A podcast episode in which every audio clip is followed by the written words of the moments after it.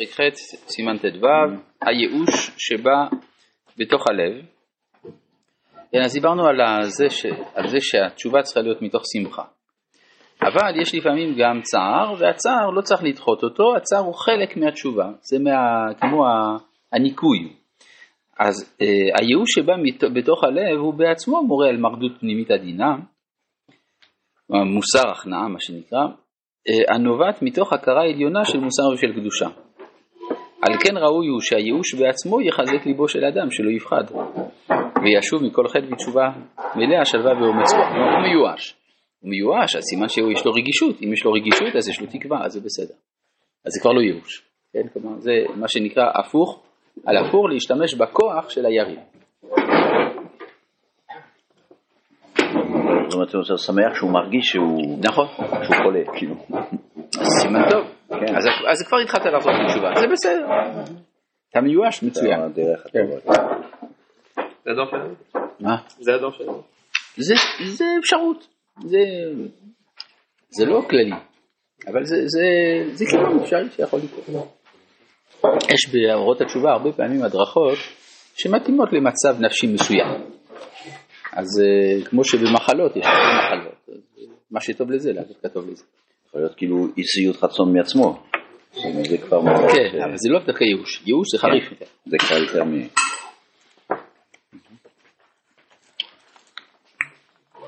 כשעולה על ליבו של אדם לשוב בתשובה שלמה. הוא מתקן את כל מעשיו ורגשותיו, אפילו במחשבה לבד.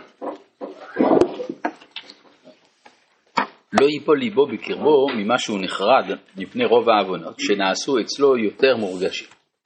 אומר, אני רוצה לתקן, אני רוצה להיות טהור, אני רוצה להיות זך, והנה יש לי כל המעשים הרעים. כי כך הוא טבע הדבר, שכל זמן שאדם הוא נרדף מפני זעף הטבע הגס וחשקת המידות הרעות הסובבות אותו, איננו מרגיש כל כך בחטאיו. ולפעמים שאינו מרגיש שם כלום, והרי הוא צדיק בעיניו. אבל כיוון שכוחו המוסרי מתעורר, מיד נגלה אור הנשמה, ועל ידי האור נבדקת היא נפשו כולה אצלו, כמו בבדיקת חמץ. כן? כלומר, זה מראה את החורים והסדקים.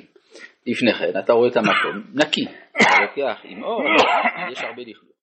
אז זה סימן טוב, כלומר לפעמים האדם יש לו הרגשה יותר חריפה של המשקל של העוונות שלו, בגלל שהוא בשלב של זיכוך.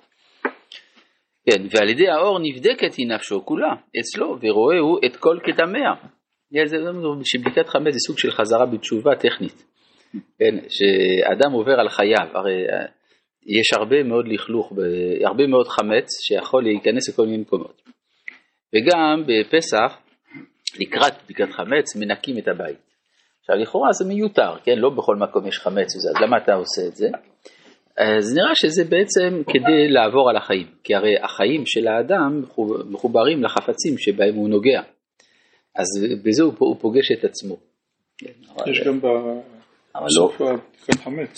בסוף בדיקת חמץ. ניגי וכל ניגי נפשנו. כן, בדיוק. נכון, נכון, נכון. אנחנו לא עוברים על אה, חמץ כבוך, לא עוברים עליו בפסח. נכון. אז מה זה חתרים קבורים פה? יש חטאים קבורים, כן, שכבר לא שייך. איך אומרים? תשליך במצולות ים כל חטאותם. יש בקבלה מושג של עולם הקליפות. יש הרבה סוגי קליפות, ויש הקליפה הראשית, זה מה שנקרא נוקבה דתהומה רבה. אז שם מתנקז כל הטומאה של העולם. אבל זה טוב, זה טוב שזה מתנקז לשם, אבל זה לא חוזר יותר, זה כמו החמץ הכבוד. אה? תחתית של הסיפון. בדיוק. עכשיו, אם נעשה ביקור שם זה מעניין. טוב, אה, וליבו דואג בקרבו בחרדה גדולה על מיעוט שלמותו באופן תפילתו, אבל דווקא אז ישים בליבו שראייה זו והדאגה הבאה עמם, הנה הן הסימנים היותר טובים המבשרים לו ישועת עולמים בתיקון הנפש. והתחזק מאוד בזה בשם אלוהיו. יש משהו דומה, זה מבחינה מדעית, זה בפסיכואנליזה. שבפסיכואנליזה מציפים דברים שהיו קבורים הרבה זמן, לפעמים מהילדות ממש, והדברים האלה עולים, הם עולים אבל זה כדי להתנקות, זה כאילו זה יוצא מנפש האדם. טוב, אנחנו אם כן בפרק ט'. ערך הרצון המתגלה על ידי התשובה. כלומר, בכלל התשובה היא פעולה של הרצון, כן? כלומר, זה כמו שלמשל האכילה זה פעולה של מערכת העיכול, אז uh, התשובה זה פעולה של הרצון. מה זאת אומרת פעולה של הרצון? עד עכשיו רציתי רע, עכשיו אני לא רוצה את הרע ואני רוצה את הטוב. זה פעולת התשובה, אז זו פעולה של הרצון. ועל ידי התשובה מתגלה ערך הרצון, עד כמה הוא חזק, עד כמה הוא משמעותי, מתגלה גם עצם הרצון של האדם, מה הוא באמת רוצה, כי לא תמיד ברור לאדם מה הוא באמת רוצה. קביעות המחשבה של התשובה היא מייסדת את. כן, בבקשה אדוני, אני אשמח לעזור. כשאנחנו אומרים אדם רוצה, יכול להיות שאדם עושה משהו שהוא לא רוצה לכאורה? כן, הרבה פעמים זה ככה. זאת אומרת... ולמעשה זה מה שהוא רוצה בשורה האחרונה? לא, הוא רוצה את השורה התחתונה, אבל יש מה שהוא רוצה, שבאמת, למשל, אדם נכשל בטסט. הוא לא רוצה, נכון? אבל זה פעם חמישית. הסימן שהוא רוצה את זה. זה סימן שיש איזה משהו, שאיזה, שאיזה פונקציה שזה ממלא אצלו. אם תשאל אותו באופן מודע, אתה רוצה להיקשר? הכישלון. כן, הוא רוצה את הכישלון. כן, הוא רוצה את הכישלון. עכשיו, למה? זה כבר עניין לפסיכולוג, למה הוא רוצה את הכישלון. אבל יש כל מיני דברים ברצון, כן? כלומר, יש מה שאני רוצה ויש מה שאני באמת רוצה, שזה לא תמיד אותו דבר, לפעמים זה אפילו הופכי. כן? כי אם תשאל אותו אדם שנכשל בטסט, אתה רוצה? הוא אומר, לא, אני אדרבה, אני רוצה להצליח. כן? אז יש משהו ששמע פועל. קביעות, מה? שאדם שעובר איזושהי עבירה, פה לפי הכותרת, כמו שאני הבנתי, שבעצם מה שהוא רוצה באמת זה את קרבת אלוהים, זה שהוא חטא באיזשהו משהו, זה בגלל התאוות שלו, זה לא בגלל שהוא רצה את זה. אז הוא לא רוצה באמת, כן. מה שנקרא עומק הרצון, למשל אה, לגבי גט מעושה לעומת גט, אה, גט כפוי, שבגט מעושה גט כזה הוא פסול, גט כפוי כשר. מסביר הרמב"ם מה ההבדל בין כפוי למעושה, שבכפוי זה מגלה את רצונו האמיתי.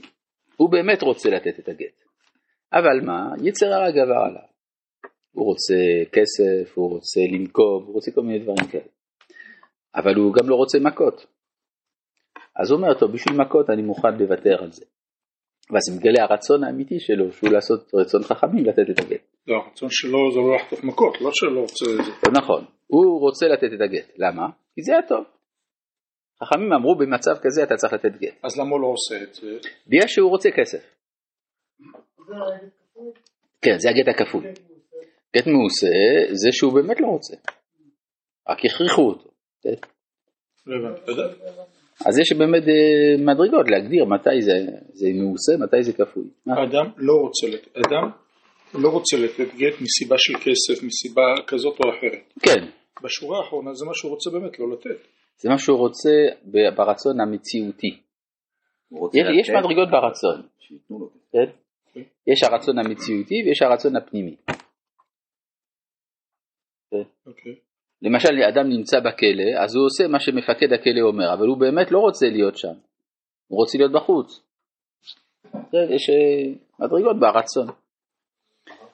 כן. זה פעולה של הרצון, כן.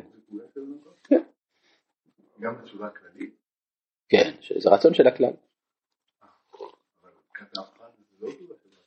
זה כמו שאם אני עושה תשובה ואני מחזיר את הגזלה, אז היד שמחזירה את הגזלה לא עושה תשובה, היא, היא משועבדת לרצון שלי. אז גם אני כפרט, אני יד של הרצון הכללי. או, אבל יש תמיד רצון באיזשהו מקום. רצון ההוויה, רצון הקוסמוס. כן. אה, קביעות המחשבה של התשובה.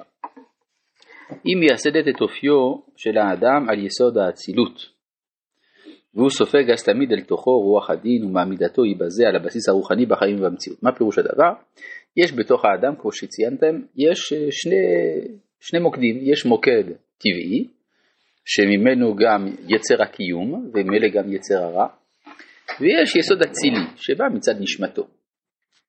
נשמתו אז הוא באמת אישיות אלוהית, עליונה וכו'. כשאדם קבוע במחשבה של תשובה, אז הוא מעביר את המוקד של ההכרה שלו לתחום האצילי. במקום להיות כל הזמן עסוק בשאלות של הקיום, הוא עסוק בשאלות אציליות. זה הקביעות של המחשבה של התשובה. רבי חנניה בן הקשיא אומר,